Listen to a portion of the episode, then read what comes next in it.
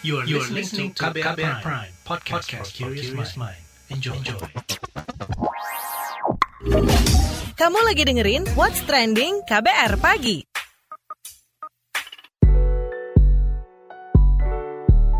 KBR Pagi, siaran pagi radio paling update. Selamat pagi, apa kabar Anda hari ini di hari Senin 4 Januari 2021. Ketemu lagi dengan saya Don Brady di What's Trending KBR Pagi yang akhirnya kita ketemu lagi ya karena kemarin itu saya cuti tahun baru walaupun gak ke mana-mana sebenarnya tapi mengambil waktu sedikit untuk mempersiapkan diri di tahun 2021 ini. Bagaimana dengan liburan Anda? Mudah-mudahan menyenangkan. Tapi saya yakin ya yang mendengarkan What's Trending KBR pagi ini pasti selalu menerapkan protokol kesehatan di mana pun Anda berada selama menjalani libur tahun baru kemarin. Pagi ini kita ngobrolin soal mulainya pembukaan pembelajaran tatap muka. Jadi pemerintah diminta mematangkan persiapan untuk pembukaan pembelajaran tatap muka di sekolah. Komisioner Komisi Perlindungan Anak Indonesia KPAI Retno Listiarti mengatakan, Kesiapan ini dibutuhkan untuk menjamin keamanan dan keselamatan anak bersekolah di masa pandemi. Namun menurut Retno, pembukaan sekolah di uh, awal tahun ini sangat riskan karena kasus COVID-19 masih tinggi dan diprediksi melonjak akibat pilkada dan libur akhir tahun. Selain itu dari pengawasan KPAI baru 16% sekolah yang siap pembelajaran tatap muka. Sebelumnya pemerintah pusat menyerahkan keputusan izin pembukaan sekolah pada Januari ini ke masing-masing daerah. Sementara itu Federasi Serikat Guru Indonesia atau FSGI menganggap tepat penetapan 4 Januari 2021 sebagai awal semester genap, namun tak berarti harus dimulai dengan pembelajaran tatap muka. Sebelum kita lanjutkan, kita dengarkan dulu seperti apa sih komentar warganet plus 62 soal ini. Ini dia.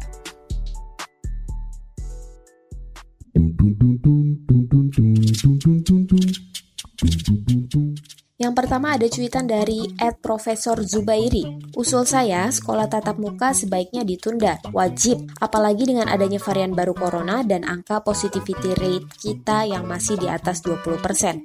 Saya tahu ini nggak nyaman, tapi ini untuk keselamatan jiwa anak-anak kita dan keluarganya.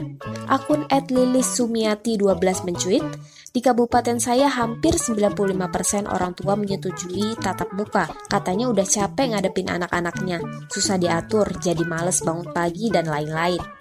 Lalu akun April underscore Hamsa mencuit, idem, sekolah anakku malah sudah buka dari Juli. Tapi untungnya mereka masih menyediakan opsi online.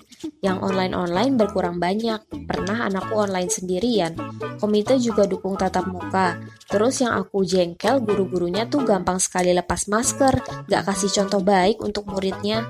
Beralih ke akun Ed Agus Gopar yang mengatakan, di tempat saya orang tua murid sudah pada ngeprint surat pernyataan untuk anak-anak mereka ikut dalam proses belajar mengajar. Ya tentu risiko ditanggung sendiri. Selanjutnya Ed Dais Mayas dalam cuitannya mengatakan, sebagai guru yang punya anak bayi, saya setuju banget untuk PJJ lagi karena saya aja ngeri. Iya guru-gurunya semua di rumah selama pandemi ini. Tapi nggak bisa jamin murid-muridnya pada di rumah terus. Yang saya perhatiin selama ini murid-murid masih keluyuran ngumpul-ngumpul sama teman-temannya. Lalu Ed Encek Madur mencuit, namanya anak-anak, walaupun udah diingatkan di rumah, kalau udah ketemu kawan-kawannya di sekolah pasti lupa sama semua nasihat dan pantangan. Safety first and stay health. Terakhir ada cuitan dari Ed P aja. Di grup wali murid cuma saya sendiri yang gak setuju tatap muka. Semua sudah capek bimbing anaknya sendiri di rumah. Sama, saya juga capek. Tapi akan lebih capek kalau anak berisiko terpapar COVID hanya gara-gara tatap muka di sekolah.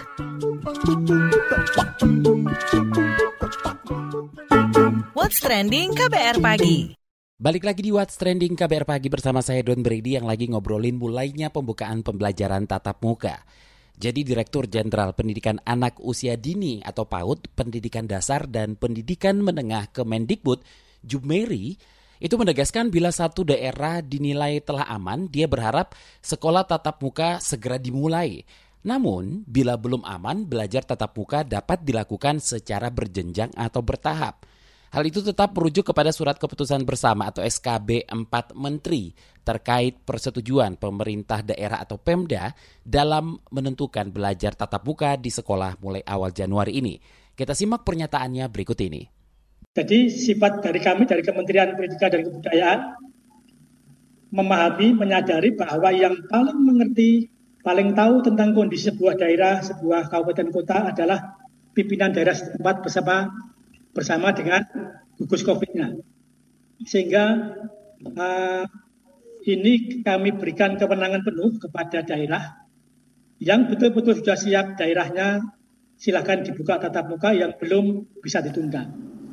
Boleh jadi dalam sebuah wilayah ada sub-sub wilayah yang mungkin aman, mungkin belum aman, itu bisa diputuskan membuka secara serentak atau secara gradually, secara bergelombang. Gitu.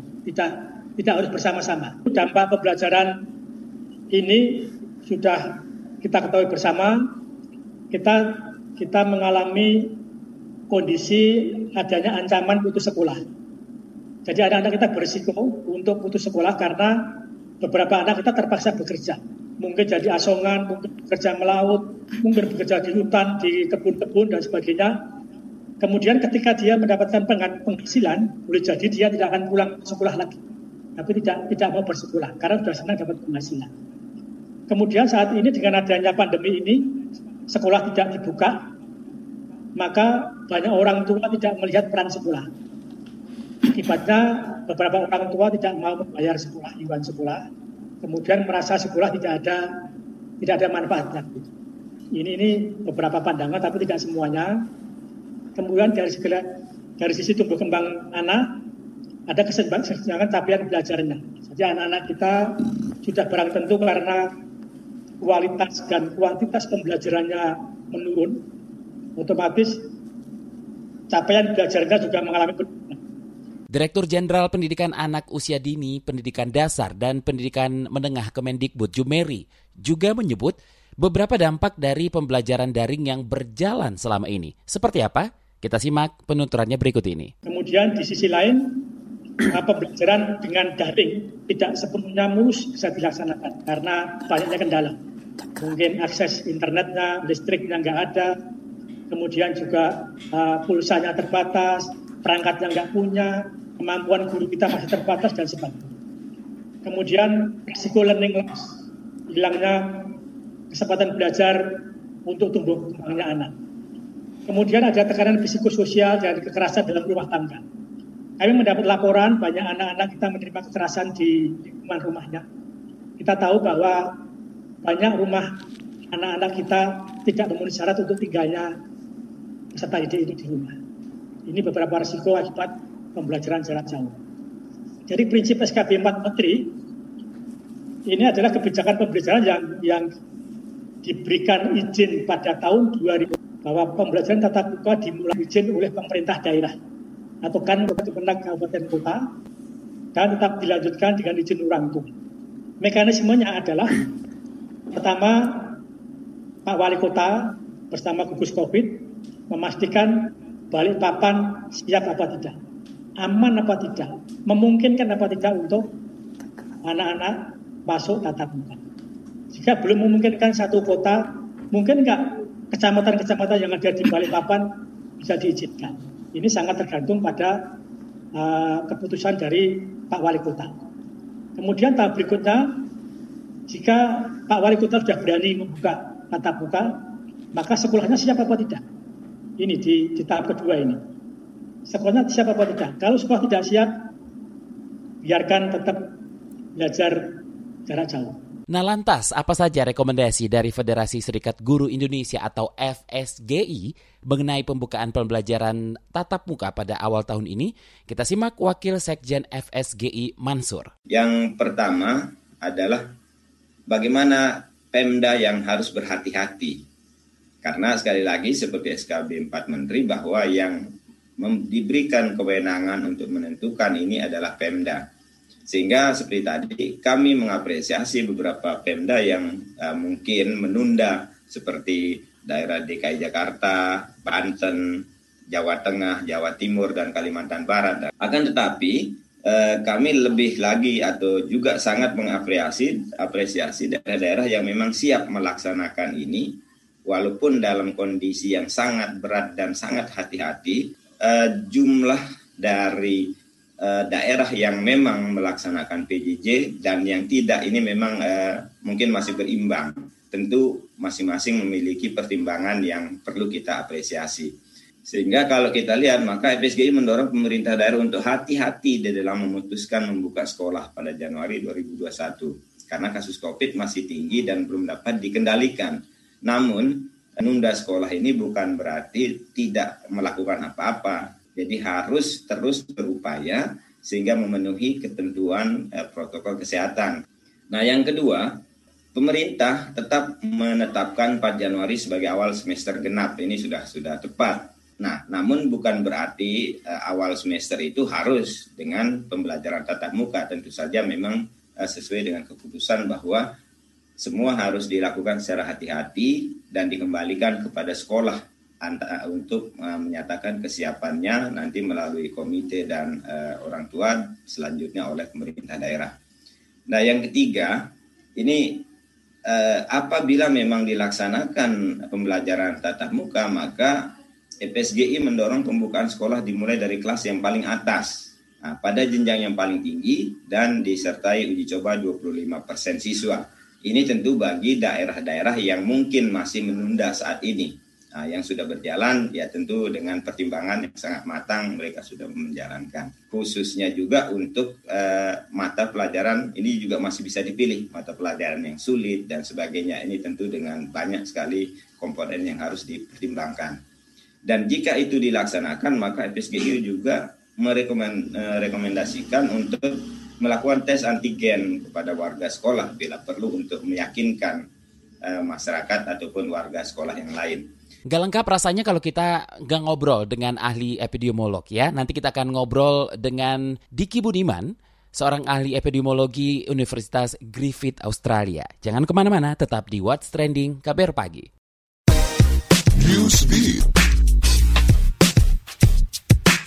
Presiden Amerika Serikat Donald Trump memperpanjang larangan imigrasi dengan dalih untuk melindungi pekerja Amerika Serikat di tengah ekonomi yang dilanda pandemi. Keputusan ini menghalangi banyak pelamar kartu hijau dan pekerja asing untuk masuk ke negara itu. Melansir Tempo.co, mestinya larangan imigrasi ini selesai 30 Desember kemarin, namun Trump memutuskan untuk memperpanjang hingga 31 Maret 2021. Kebijakan Trump ini ditentang oleh pelaku industri karena juga menghalangi pekerja asing tertentu untuk masuk ke Amerika Serikat. Selain itu, kritik juga datang dari Presiden terpilih Joe Biden. Namun ia sendiri belum mengatakan apakah akan segera membatalkannya begitu menjabat pada 20 Januari mendatang.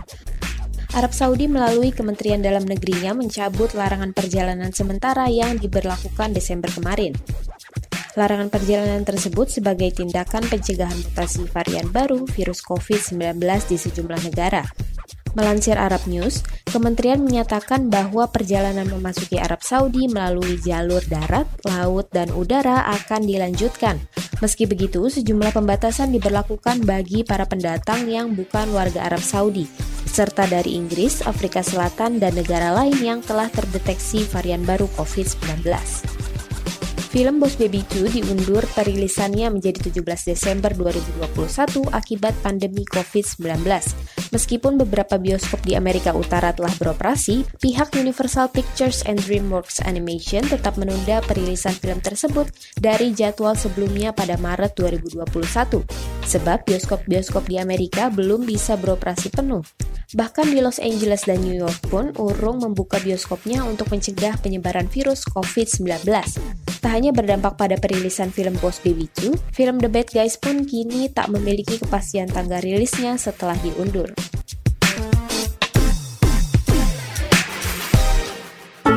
What's Trending KBR Pagi. Selamat pagi buat Anda yang baru saja mendengarkan What's Trending KBR Pagi. Kita lanjutkan ya ngobrol soal pembukaan pembelajaran tatap muka. Nah, ahli epidemiologi Universitas Griffith Australia, Diki Budiman, mengungkapkan tidak ada daerah yang menurut indikator epidemiologi layak dan aman untuk membuka sekolah, terutama di Pulau Jawa. Diki mengatakan apabila ada daerah yang mengklaim siap, ia menduga daerah tersebut tidak menggunakan indikator epidemiologi dan itu dinilai berisiko dan membahayakan. Lebih jelasnya lagi, saya sudah bersama Diki Budiman, ahli epidemiologi Universitas Griffith Australia. Mas Diki, bagaimana tanggapan Anda dengan dimulainya pembukaan pembelajaran tatap muka? Di Jawa tidak ada yang uh, menurut indikator epidemiologi layak ya dan aman dan kondusif untuk membuka sekolah. Tidak ada satupun di Jawa itu. E, kalau ada pemerintah daerah yang menyatakan akan membuka, ya saya menyarankan untuk benar-benar mengevaluasi kembali strategi e, testingnya, ya, terutama dilihat tes positivity rate, karena itulah uh, indikator paling valid dan paling urgent dan paling penting untuk pelonggaran. Dan yang saya tahu ya secara data epidemiologi belum ada di Indonesia yang tes positivity rate-nya jangankan 5% ya, memen di bawah 8% pun belum ada saat ini. Jadi kalau ada yang uh, mengklaim siap berarti dia menggunakan indikator yang bukan indikator epidemiologi. Dan itu berbahaya sekali. Sangat berbahaya karena artinya kita tidak akan berkontribusi ya, tidak akan eh, apa namanya me melakukan perbaikan atau berperan dalam mengurangi ya setidaknya mengurangi situasi yang sudah semakin buruk ini. Dan ini tentu berbahaya sekali untuk tidak hanya untuk anak didik sekolah dan juga untuk gurunya itu juga untuk masyarakat. Lalu kapan dirasa waktu yang tepat, Dimas? Yang paling penting sekali sebelum buka sekolah ini dan dari awal saya selalu sampaikan bahwa Januari itu bukan masa yang tepat ya. Bahkan Februari sekalipun bukan masa yang tepat.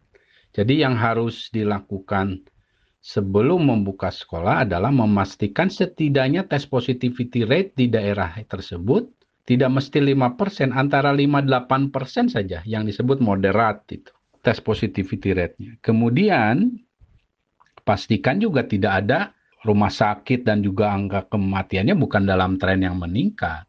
Ya, apalagi penuh rumah sakitnya. Kemudian, ini yang paling penting sekali. Saya ingin uh, bahwa pemerintah kemudian masyarakat juga memahami bahwa terkait dengan adanya strain baru yang uh, ber apa transmisi atau menyebar dengan cepat ini, kita harus pastikan dulu ada tidak di Indonesia. Karena kemungkinannya sudah ada, uh, kemungkinan besarnya sudah masuk maksud saya. Tapi kan itu baru satu prediksi berdasarkan pola mobilitas ya. Indonesia uh, yang sangat aktif ya. Keluar masuk dengan kontak dengan dunia luar ini. Jadi kalau strain baru itu sudah ataupun strain yang di Indonesia ini sudah terdeteksi tidak ada yang uh, maksudnya selain D614G ya bahwa strain yang B117 yang dari Afrika Selatan atau Inggris itu yakin tidak terdeteksi ya dengan surveillance genomik itu uh, ya itu yang juga bisa jadi uh, penguat dari tes positivity rate yang di antara 58 persen. Kalau tes positivity rate-nya 8 persen katakan, tapi ternyata strain ini udah ada. Nah, itu harus pertimbangan tidak jangan dulu ya, karena strain baru ini uh, sangat uh, diduga kuat menginfeksi mudah juga pada anak-anak. Ini yang harus dilakukan. Sementara itu pemerintah Provinsi DKI Jakarta memutuskan tidak membuka sekolah tatap muka di awal tahun ini. Wakil Gubernur DKI Jakarta Ahmad Riza Patria mengatakan kondisi COVID-19 di Jakarta belum membaik sehingga riskan jika sekolah dibuka. Kata dia, pembukaan sekolah di tengah kasus COVID-19 tinggi sangat berpotensi meningkatkan angka penularan. Belajar dari negara lain, menurut Riza, pembukaan sekolah di masa pandemi bisa memunculkan klaster COVID-19. Berdasarkan dari data Dinas Kesehatan DKI, penambahan kasus COVID-19 di Jakarta masih di kisaran seribuan per hari. What's Trending KBR Pagi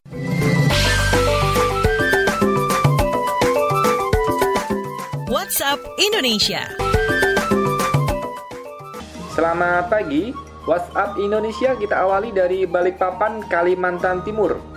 Melonjaknya kasus terkonfirmasi positif sepanjang Desember 2020 hingga awal 2021 membuat pemerintah kota Balikpapan menetapkan sejumlah persyaratan bagi pendatang dari luar daerah mulai hari ini, Senin 4 Januari 2021. Wali Kota Balikpapan, Rizal Effendi, mengatakan Kebijakan tersebut mewajibkan pendatang yang masuk melalui Bandara Internasional Sepingan untuk menunjukkan hasil negatif rapid test antigen yang berlaku paling lama 3 kali 24 jam atau menunjukkan hasil negatif swab test PCR yang berlaku 7 kali 24 jam sebelum keberangkatan dan mengisi Electronic Health Alert Card Indonesia yang ditunjukkan kepada petugas kesehatan yang bertugas di Bandara Sepingan. Saat ini jumlah terkonfirmasi positif COVID-19 telah mencapai 6 ribuan kasus dan 270-an kasus kematian. Seluruh ruang ICU telah penuh dengan pasien COVID-19.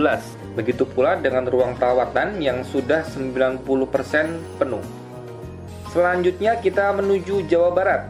Pusat Koperasi Produsen Tempe Tahu Indonesia Jawa Barat atau Puskopti Jabar menyatakan pekan ini mulai tanggal 4 Januari 2021 harga jual tahu tempe naik sebesar 20 hingga 30 persen. Sebabnya, harga bahan baku tahu tempe berupa kedelai mengalami kenaikan dari harga beli yang awalnya yaitu Rp6.000 hingga Rp7.000 per kilogram menjadi Rp9.400 hingga Rp10.000 per kilogram. Menurutnya, diperlukan subsidi dari pemerintah agar harga jual tempe tahu kembali stabil. Terakhir ke Jawa Timur, tiga desa di Kecamatan Wonosalam, Jombang, Jawa Timur dipetakan rawan longsor. Tiga desa itu di antaranya Galeng Dowo, Panglungan, dan Desa Carangwulung ada beberapa titik bukit yang kondisinya rawan longsor saat terjadi hujan dengan intensitas sedang maupun tinggi. Kasih kesiapsiagaan dan penanggulangan bencana BPPD Jombang, Gunadi, mengatakan meski berpotensi rawan longsor, namun saat ini titik-titik itu masih terpantau aman. Tim Desa Tangguh Bencana di wilayah Desa Galingdowo juga secara aktif memantau dan terus melaporkan ke BPBD setempat. Selain rawan longsor, ia juga membeberkan sejumlah desa di enam kecamatan dipantau karena rawan banjir, di antaranya Kecamatan Mojowarno, Mojo Agung, Sumobito, Kesamben, dan Kecamatan Peloso. Demikian WhatsApp Indonesia hari ini. Demikian kabar pagi hari ini. Jika Anda tertinggal siaran ini, Anda kembali bisa menyimaknya di podcast What's Trending yang ada di kbrprime.id, di Spotify, dan di aplikasi mendengarkan podcast lainnya. Terima kasih sudah mendengarkan. Besok kita ketemu lagi. Don't ready undur diri. Bye-bye. Terima kasih ya sudah dengerin What's Trending KBR Pagi. KBR Prime, cara asik mendengar berita. KBR Prime, podcast for curious mind.